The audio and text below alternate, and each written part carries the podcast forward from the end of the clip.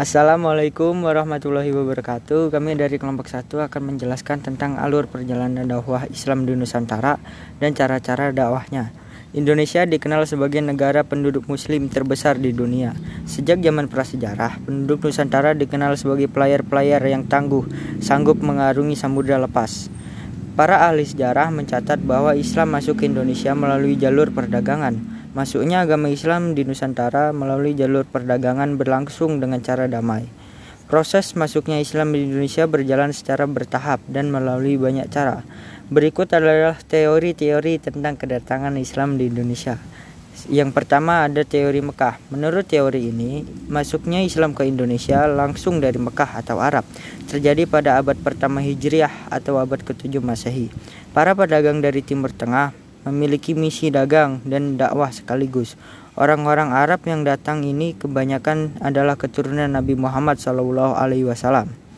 Yang kedua adalah teori Gujarat. Teori ini mengatakan bahwa proses kedatangan Islam ke Indonesia berasal dari Gujarat pada abad ke-7 Hijriah atau abad ke-13 Masehi. Gujarat adalah sebuah wilayah di India bagian barat berdekatan dengan Laut Arab. Menurut teori ini, orang-orang Arab yang bermazhab Syafi'i telah bermukim di Gujarat dan Malabar sejak awal Hijriah. Namun, menyebarkan Islam ke Indonesia bukanlah dari orang Arab langsung, melainkan pedagang Gujarat yang telah memeluk Islam dan berdagang ke Nusantara.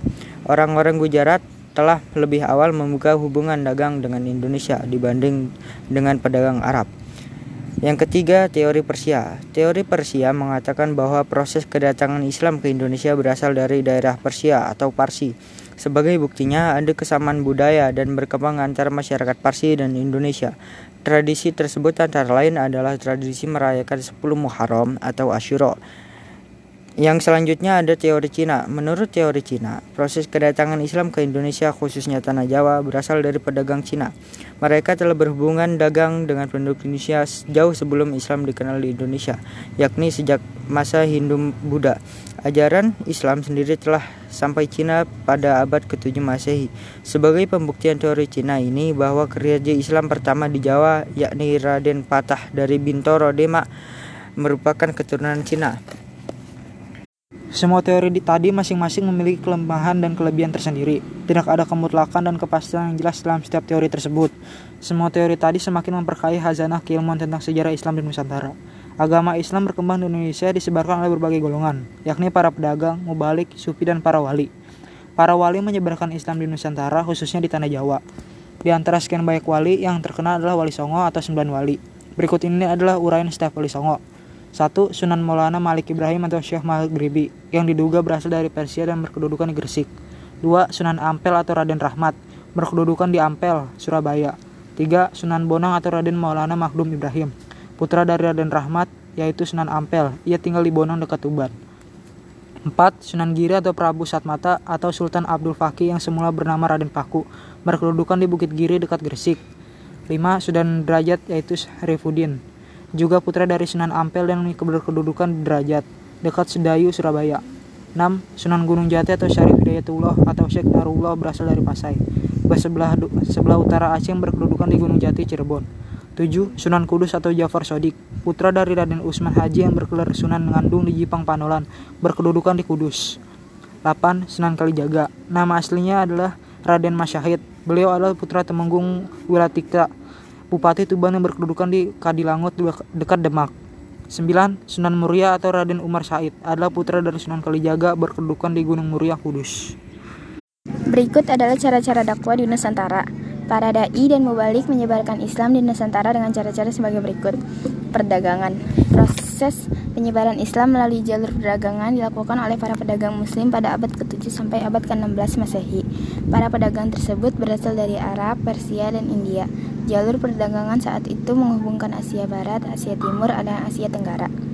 Para pedagang muslim menggunakan kesempatan itu untuk berdakwah menyebarkan agama Islam. Mereka memiliki akhlak mulia, santun, dapat percaya, dan jujur. Banyak pedagang muslim yang singgah dan bertempat tinggal di Indonesia. Sebagian ada yang tinggal sementara, ada pula yang menetap di Indonesia.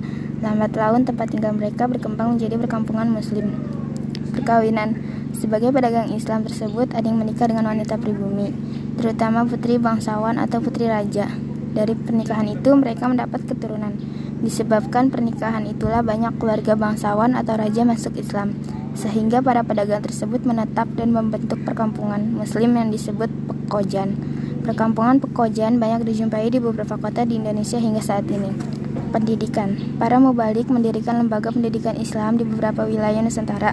Lembaga pendidikan Islam ini berdiri sejak pertama kali Islam masuk di Indonesia. Nama lembaga-lembaga pendidikan Islam itu berada di tiap daerah. Di Aceh, misalnya lembaga-lembaga pendidikan Islam di sana dikenal dengan nama Meunasah, Dayah, dan Rangkang. Di Sumatera Barat dikenal adanya surau, di Kalimantan dikenal dengan nama Langgar. Sementara di Jawa dikenal dengan pondok pesantren. Di sanalah berlangsung pembinaan, pendidikan, dan kaderisasi bagi calon kiai dan ulama. Mereka tinggal di pondok atau asrama dalam jangka waktu tertentu menurut tingkah kelasnya. Hubungan sosial para mubalik yang menyebarkan Islam di Nusantara pandai dalam menjalin hubungan sosial dengan masyarakat. Mereka yang telah tinggal menetap di Nusantara aktif membaur dengan masyarakat melalui kegiatan-kegiatan sosial. Sikap mereka santun, memiliki kebersihan jasmani dan rohani, memiliki kepandaian yang tinggi, serta dermawan. Silaturahmi bekerja sama, gotong royong mereka lakukan bersama penduduk Nusantara dengan tujuan menarik simpati agar masuk Islam. Islam mengajarkan persamaan hak dan derajat bagi semua manusia karena kemuliaan manusia tidak ditentukan oleh kastanya, melainkan karena ketakwaannya kepada Allah Subhanahu wa taala. Dengan demikian, ajaran Islam makin mudah diterima oleh penduduk Nusantara. Kesenian Sebelum Islam datang, kesenian dan kebudayaan Hindu-Buddha telah mengakar kuat di tengah-tengah masyarakat. Kesenian tersebut tidak dihilangkan tetapi justru digunakan sebagai sarana dakwah. Cabang-cabang seni yang dikembangkan para penyebar Islam di antaranya adalah seni bangunan, seni pahat dan ukir, seni tari, seni musik, dan seni sastra. Seni bangunan, misalnya masjid, mimbar, dan ukiran-ukirannya masih menunjukkan motif-motif seperti yang terdapat pada candi-candi Hindu atau Buddha. Motif tersebut dapat dipahat pada Masjid Agung Demak, Masjid Agung Kesapuhan di Cirebon, Masjid Agung Banten, dan Masjid Baitur Rahman di Aceh. Demikian pula dengan pertunjukan wayang kulit, mereka tidak pernah meminta upah untuk menggelar pertunjukan, penontonan, atau pengunjung gratis menyaksikan pertunjukan tersebut. Penonton hanya diminta agar mengikutinya mengucap dua kalimat syahadat.